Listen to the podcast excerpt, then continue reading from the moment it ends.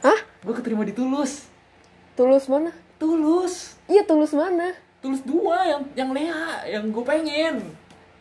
Seriusan? Iya, S satunya. Oh my god. Oh my god. Eh, congrats seriusan. Gila. Tos dulu. Ah. Iya, iya, alhamdulillah.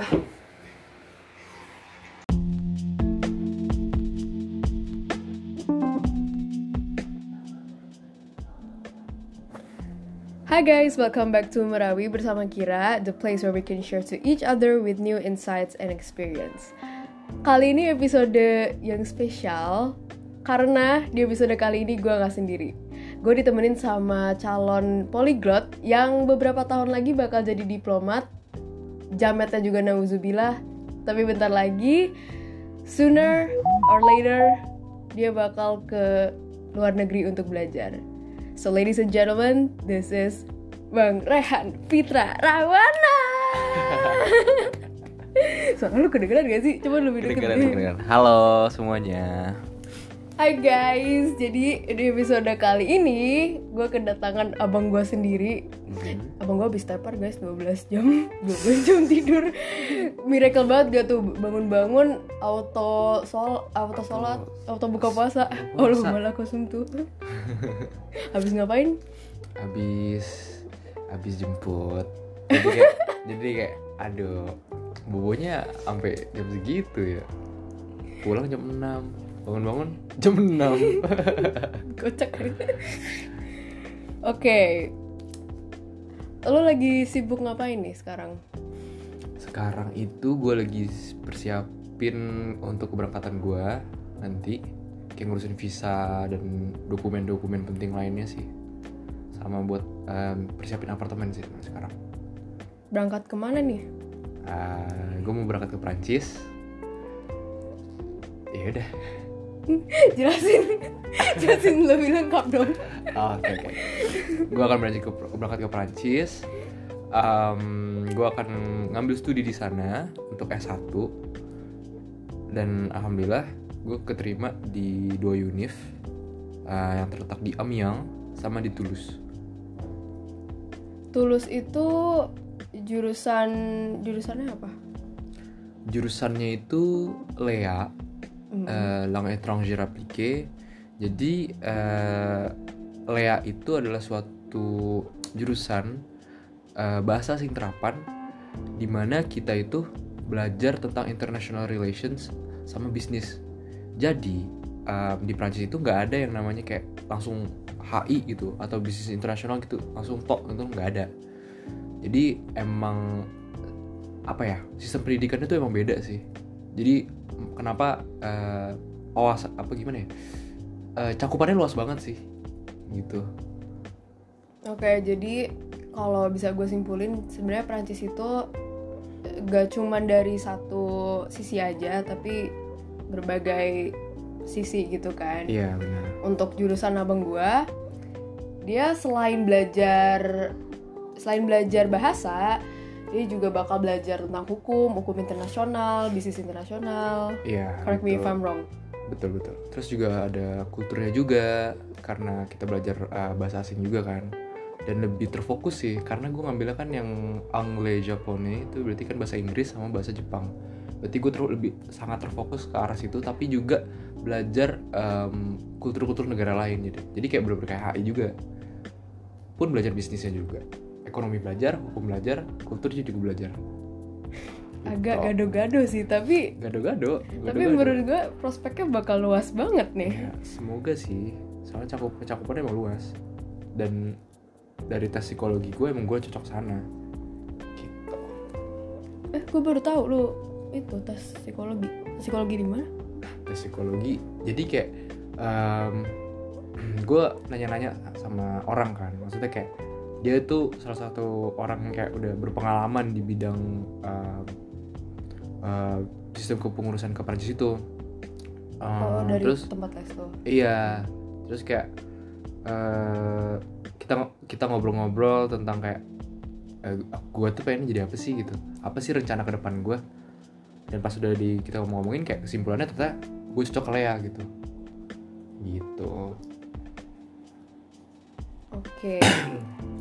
Tapi gue pengen throwback sedikit nih. Gue pengen throwback dikit aja ke masa-masa lu eh, memulai perjalanan setahun lu as known as gap year. oke Sebenarnya lu dari awal dari SMA lu udah ada niat belum sih untuk kuliah di luar negeri? sejujurnya untuk kuliah di luar negeri itu jujurnya gue gue nggak nggak begitu ada satu apa ya planning untuk kuliah di mana gitu. Mau di negeri apa luar negeri tapi lebih condong ke luar negeri sih. Karena gue rencananya tadi mau ke Malaysia atau enggak ke arah-arah eh, Australia gitu kan. Tapi kayak masih belum jelas gitu loh mau apa sih gue gitu. Masih belum jelas. Kayak setelah jelasnya tuh kayak pas udah mau mau mulai mulai belajar butuh TBK sih kayak oh kayaknya Perancis nih. Kenapa? Soalnya waktu itu ada kayak ada seminar gitu di sekolah gue kayak eh, tempat les gue tuh kan datang terus kayak promosiin terus kayak oh, ternyata asik gitu. Terus ya udah akhirnya kayak dari aja ternyata ya udah Perancis deh. FYI gue beneran pengen bawa lu ke sini karena alhamdulillah hard work lu pays off banget karena gue sendiri sebagai adik sendiri ngelihat abang gue kayak abang gue beneran ambisnya gila-gilaan. Bener-bener ambis banget. Dari zaman abang gue SMA masuk SNMPTN ranking lu berapa kemarin? Eh, paralel. Apa gimana? Paralel paralel. Paralel itu gue ranking 5 apa 6 gitu. Gue lupa deh. Ranking 56 iya. Tapi belum belum gitu 5 6 apa 4 ya? Gue tau pokoknya antara itu deh gue lupa. Hmm, hasilnya? Hasilnya? Ah gue ketolak di SNM tapi lu ada harapan gak sih sebenarnya kayak sebelumnya ah gue pengen gue pengen banget SNM gue yakin banget gue masuk SNM oh iya dong. SNM gue gue ngarepin banget tuh SNM tuh. Eh, nunggu-nunggu banget kan pengumumannya tuh deg-degan gitu. Gue milihnya unpad waktu itu. Terus kayak pengen banget ke Bandung gitu kan. Eh pas pengumuman merah gitu kayak aduh ketolak gitu. Kayak ekspektasi gue tinggi sih tapi itu salah sih sebenarnya. Kayak ekspektasi gue terlalu tinggi terhadap hal yang kayak abstrak banget gitu kan. SNMPTN itu kan abstrak banget menurut gue sih. Sistemnya abstrak dan kita nggak tahu sama sekali gimana cara sistem pemilihannya. Gitu sih menurut gue.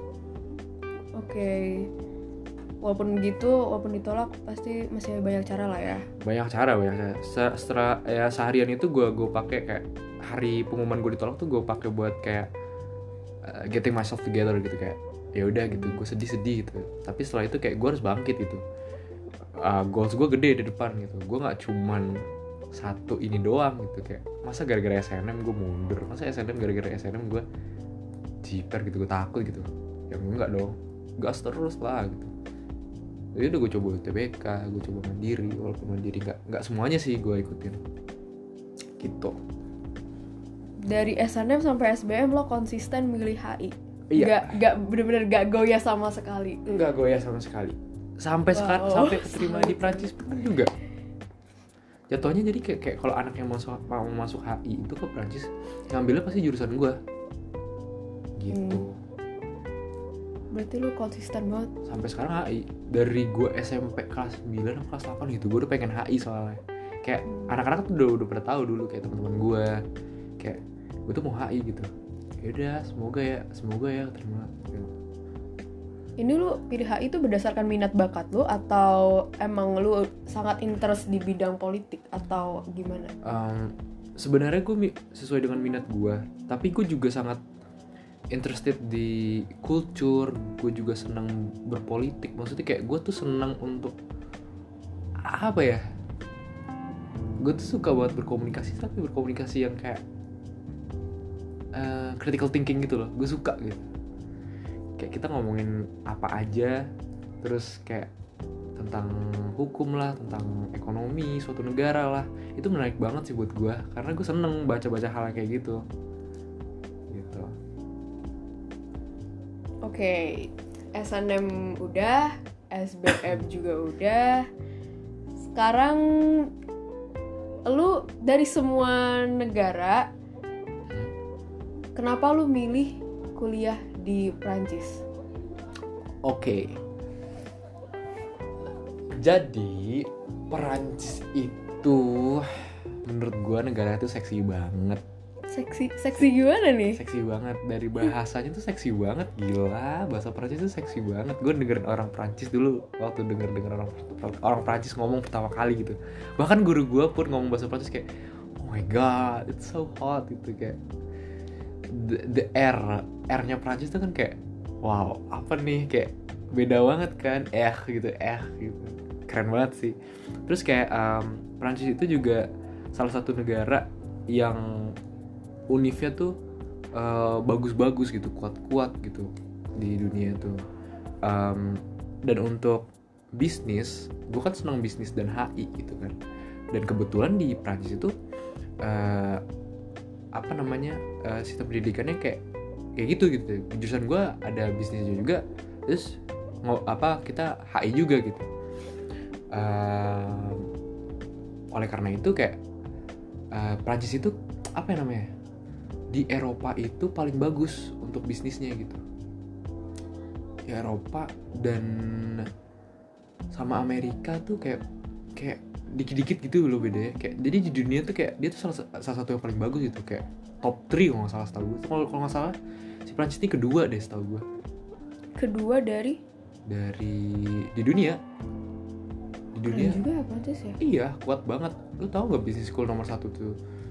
Eh bisnis school iya bisnis school nomor satu tuh sempat dipegang sama HEC Paris sama Linseat itu tuh punyanya orang Prancis gitu Karena Prancis itu juga negara pusat mode kan, pusat, Pusat mode, pusat mode. bisnis juga. iya pusat bisnis Makanya banyak juga pelajar Indonesia, pelajar seluruh dunia Hmm. yang pengen kalau kuliah bisnis atau fashion pasti tujuannya ke Prancis, Prancis. karena pusatnya emang di Prancis. betul Terus gue kaget banget jujur pas gue kan kemarin lu share video ya, share video di dari tempat les lu kan, di tempat les lu. ah iya.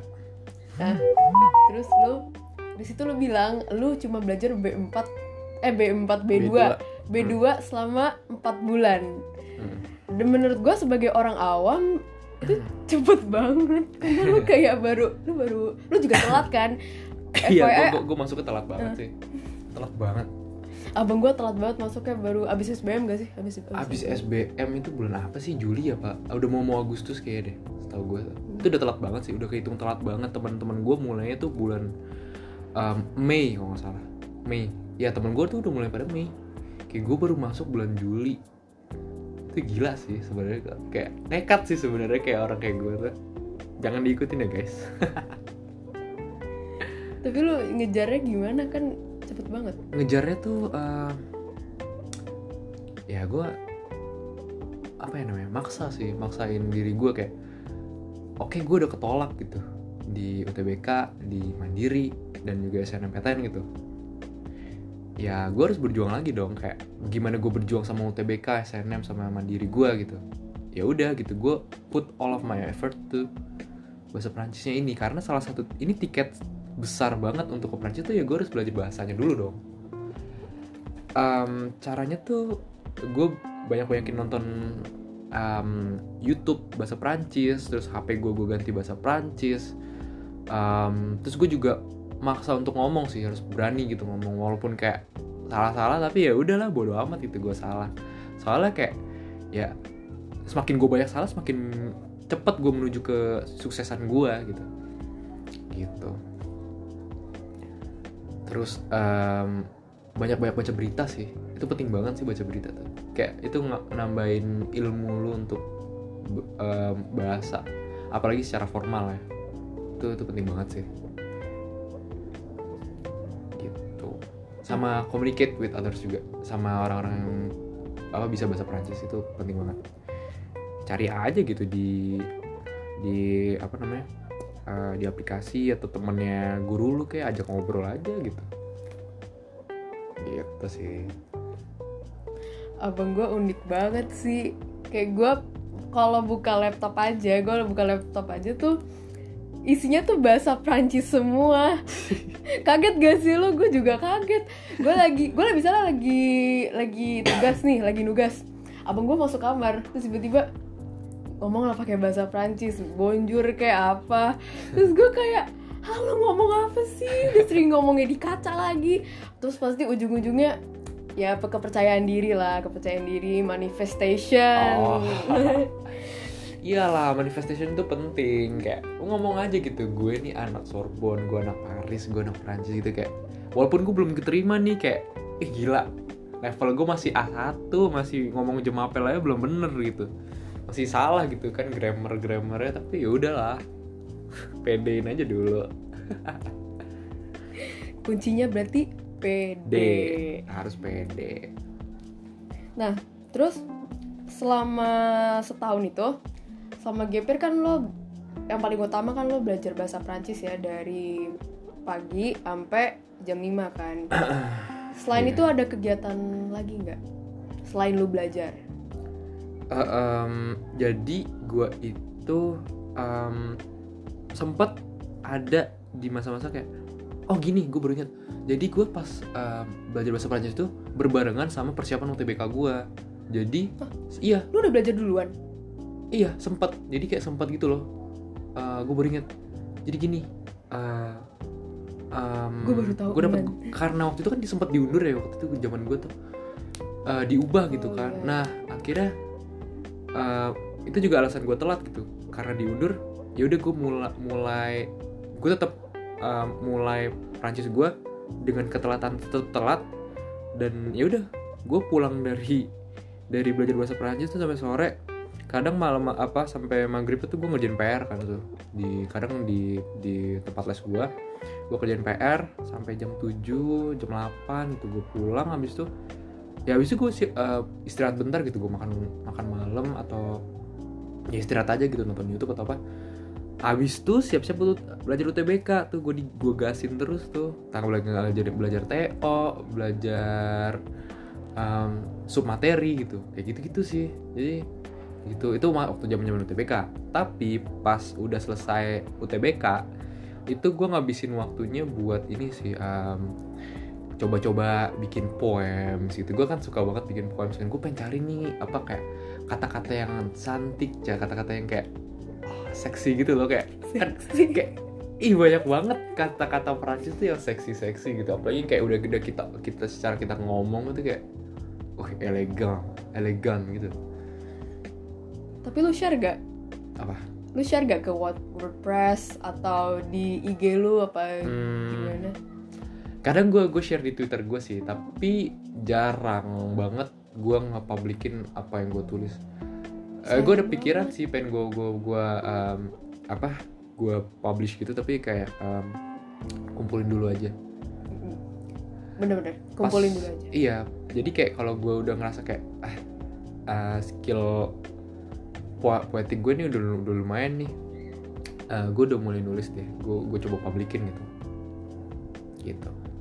Oke. Tapi selain itu abang gua juga sering coba-coba buat ikut apa namanya kemarin lomba ya. Misalnya duta bahasa. Oh ya. iya iya, gue sempet sempet ikut ikut itu juga tuh. Terus eh ya itu sih kayak coba-coba berhadiah gitu kan dapat dapat enggak enggak yang penting cari experience-nya aja Jangan lupa bisnis lu dong. oh Singgung lah bisnis. Iya, jadi gini, gue tuh juga ada bisnis-bisnis juga, kecil-kecilan, kayak bisnis. Gue punya bisnis kerudung, gue juga punya bisnis em, baju anak muda, cowok ya.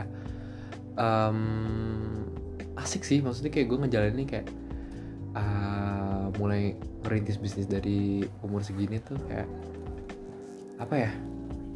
Suatu kebanggaan aja gitu kayak gue bisa bikin bisnis loh oh, eh gue bisa bikin uang sendiri loh kayak itu enak banget sih kayak bangga aja gitu itu sih terus apa Namanya namanya apa? Kasih tahu lebih detail gitu. Misalnya kayak jadi masih untuk kerudung ah, Available di mana? ah. untuk kerudung gue itu bisa dilihat di IG-nya Seri Shanum uh, masih available banget.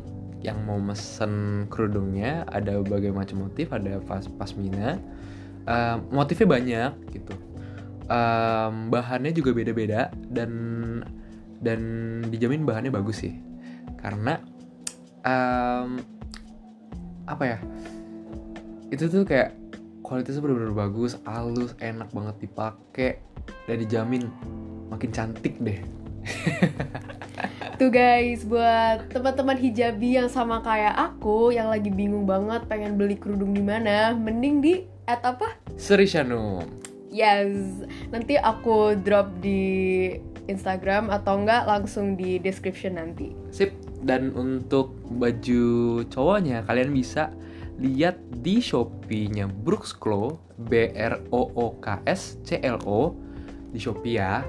Um, itu banyak banget jenis baju anak muda cowok. Dan kalian nih yang mau mau apa namanya mau beliin buat cowoknya gitu kan buat hadiah lebaran gitu kan. Bentar lagi lebaran loh. Iya. Kapan lagi? Uh -uh, kan mau kan kayak cowok itu kayak ih makin ganteng deh kamu. Terus kayak ngasih baju ini kayak kamu makin ganteng deh pakai baju ini gitu. Kayak ini dari Brooks kok loh kayak dijamin ganteng deh cowok-cowok lu karena emang emang emang emang motifnya unik-unik di di di Brooks Glow ini gitu coba deh check out deh pasti makin ganteng cowok lo tuh guys oke okay.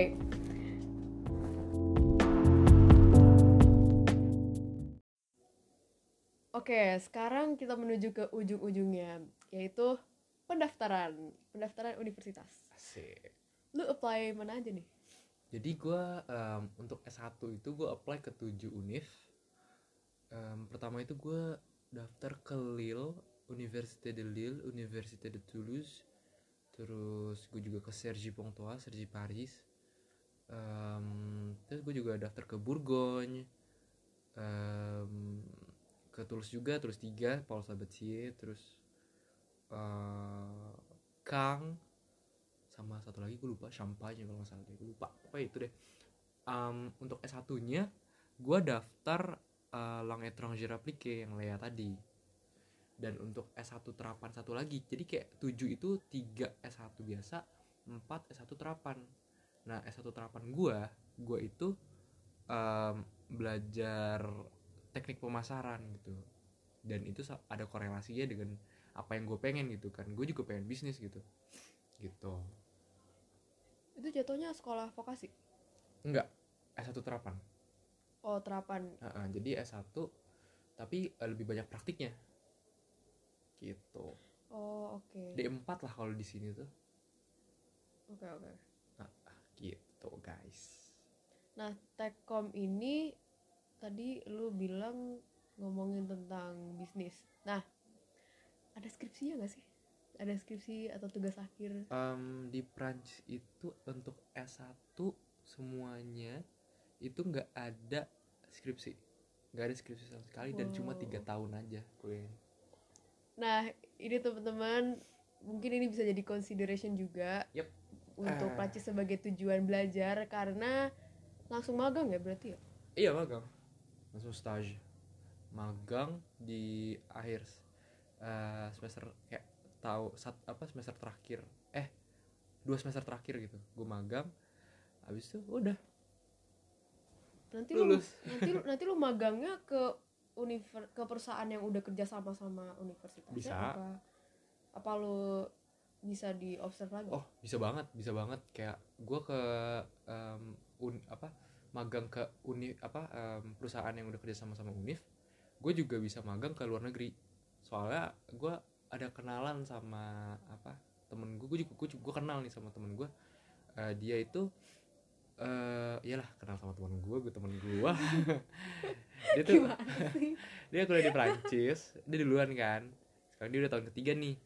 Dia lagi magang di Barcelona. Jadi bisa banget kalau kalian mau ke, ke ke Jepang atau mau ke mana gitu bisa banget untuk magang. Okay. di luar negeri Nah, teman-teman itu berarti Techcom ini ter bisa termasuk consideration loh. Karena prospeknya sendiri selain luas, kalian juga bisa berpeluang untuk bekerja di luar negeri iya. di mancanegara selain Prancis betul.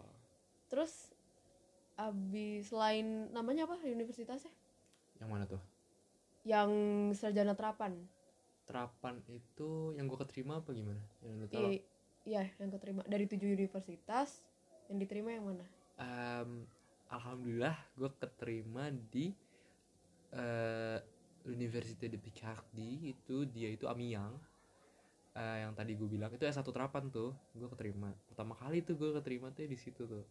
Dan akhirnya baru kemarin banget gue keterima di Toulouse. Itu kayak ya ampun gue kayak speechless banget sih pas keterima di Toulouse gitu. Kayak oh my god Toulouse nerima gue gitu. Kayak oh my god keren banget sih. Em, itu Toulouse itu untuk eh, S1 biasanya yang licence itu belajar Lea gitu. Itu dari kenapa lo apply-nya ke Tulus? Kenapa lo apply juga ke PKD Oke.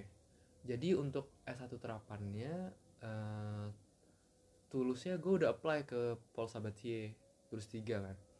Eh jadi gue apply ke tulus yang di S1 terapan dan juga tulus yang di S1 biasa. Em, jadi kayak main chance aja sih kayak gue terima di mana ya gitu. Ngeliat em, untuk milih kampus itu kan kayak ada kompetensi-kompetensi dan uh, admissionnya tuh kan persyaratannya apa aja gitu kan. Nah, itu harus dilihat juga. kalau lo sendiri persyaratannya apa aja waktu itu Aduh, banyak banget sih waktu itu persyaratannya. Maksudnya kayak sebenarnya kayak um, persyaratan biasa aja, cuman ada banyak gitu.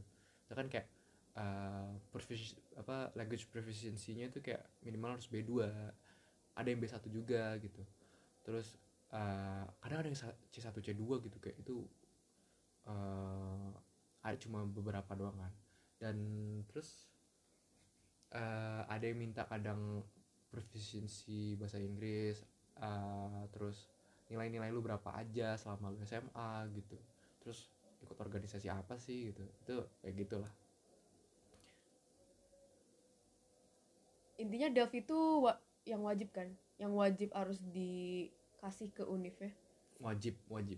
Delft itu lo harus ikut banget itu tiket besar banget untuk mau ke Perancis itu harus eh, belajar bahasa Perancisnya sendiri. Kalau enggak nanti bakal kesusahan. Untuk hidup aja kayak lo harus ngomong bahasa Perancis. Karena orang Perancisnya itu lebih seneng ngomong bahasa Perancis. Lu lu lebih apa ya namanya kayak lebih ditanggepin kalau lu pakai bahasa Perancis daripada bahasa Inggris gitu. Oke jadi teman-teman untuk penjelas DAF itu sama kayak TOEFL French Proficiency Test dan kebanyakan yang dari aku tahu tuh kebanyakan univ itu mintanya paling minimal itu B2 untuk bisa apply ke universitas di Prancis Em, mungkin ya ya gue benerin me lagi ya eh ya minimal B2 untuk beberapa eh, jurusan gitu. Untuk jurusan gua rata-rata minimal mintanya B2, tapi ada juga beberapa yang minta B1 gitu. Karena karena jurusan gua itu kan min- eh, komunikasi gitu kan. Kita tuh ngomong gitu, HI kan ngomong gitu kan. Eh, minimal B2 tuh kan. Karena harus kayak lancar gitu loh ngomongnya. Nah, terus ada beberapa juga yang kayak minta B1 aja gitu. Misalkan kayak ada beberapa teknik kalau nggak salah tuh yang minta cuma B1 doang. Tapi ya tergantung jurusan lagi sih balik lagi jurusan yang lu pilih itu apa yang lu minati juga apa gitu. Gitu asik. What a very wise man said. Sih Oke, sekarang kita menuju ke closing statement. Ada tips and tricks atau pesanan kesan untuk teman-teman pendengar Berawi, pendengar podcast gue yang Yes. juga pejuang luar negeri juga, study abroad. oke. Em, untuk keluar negeri itu kalau lu sungguh-sungguh itu gampang. Gampang apa? Susah sih. Ini gue ngomong spill the, the truth aja ya gampang-gampang susah. Lu harus berjuang banget. Banyak yang perlu lu korbanin. Mental lu pun juga bakal kena untuk apa persiapan gitu. Karena bakal ada aja gitu cobaan gitu. Em, harus kuat. Karena eh, kalau mau sukses banyak pengorbanannya. Gitu dan semangat terus ya. Em, untuk ngejar impian lu semua mau di mana pun mau di luar negeri mau di kunif apa pun yang penting konsisten dengan apa yang lu mau fokus dengan apa yang lu mau dan jangan dimimpin aja realisasiin Asik. Oke.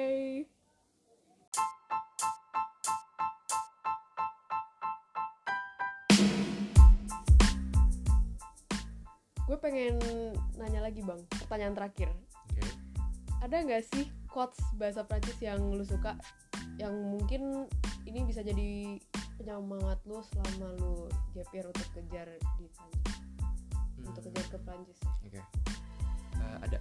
Itu dari Simone de Beauvoir. Itu J'accepte la grande aventure d'être moi. Jadi kayak gue menerima the grand adventure to become me. Gitu. Jadi kayak um, bakal gede banget sih adventure gue dan gue accept itu karena kayak uh, it's me becoming me gitu Karena- karena gue akan dapetin my true potential gitu. Berarti kayak The Great Adventure bisa develop lu untuk jadi orang yang lebih baik, Yap. jadi better person. betul Oke. Jadi yang gua tangkap tuh pesan moralnya kadang it's okay kalau yang kita harapkan mungkin nggak sesuai keinginan karena siapa tahu besok ada keajaiban yang bakal datang dan it's okay untuk sedih kalau misal lagi stuck apa gimana frustasi penolakan. Tapi dari cerita abang gue yang gue bisa dapat ini somehow juga tamparan buat gue juga kalau kalau besok pasti bakal ada jam terbangnya di mana hari ini ada kegagalan. Gue yakin untuk keesokan harinya di masa depan gue bakal punya jam terbang gue sendiri. So that's all for this episode thank you bang udah mau jadi narasumber gue yoi sama-sama deh Gimana teman-teman episode kali ini? Don't forget to like, comment, and subscribe. Eh tapi nggak ada juga ya di Spotify ya. Ya udah deh pok- pokoknya let's keep in touch on Twitter from now on at Merawi underscore and see you guys in another episodes on Merawi only on Spotify. you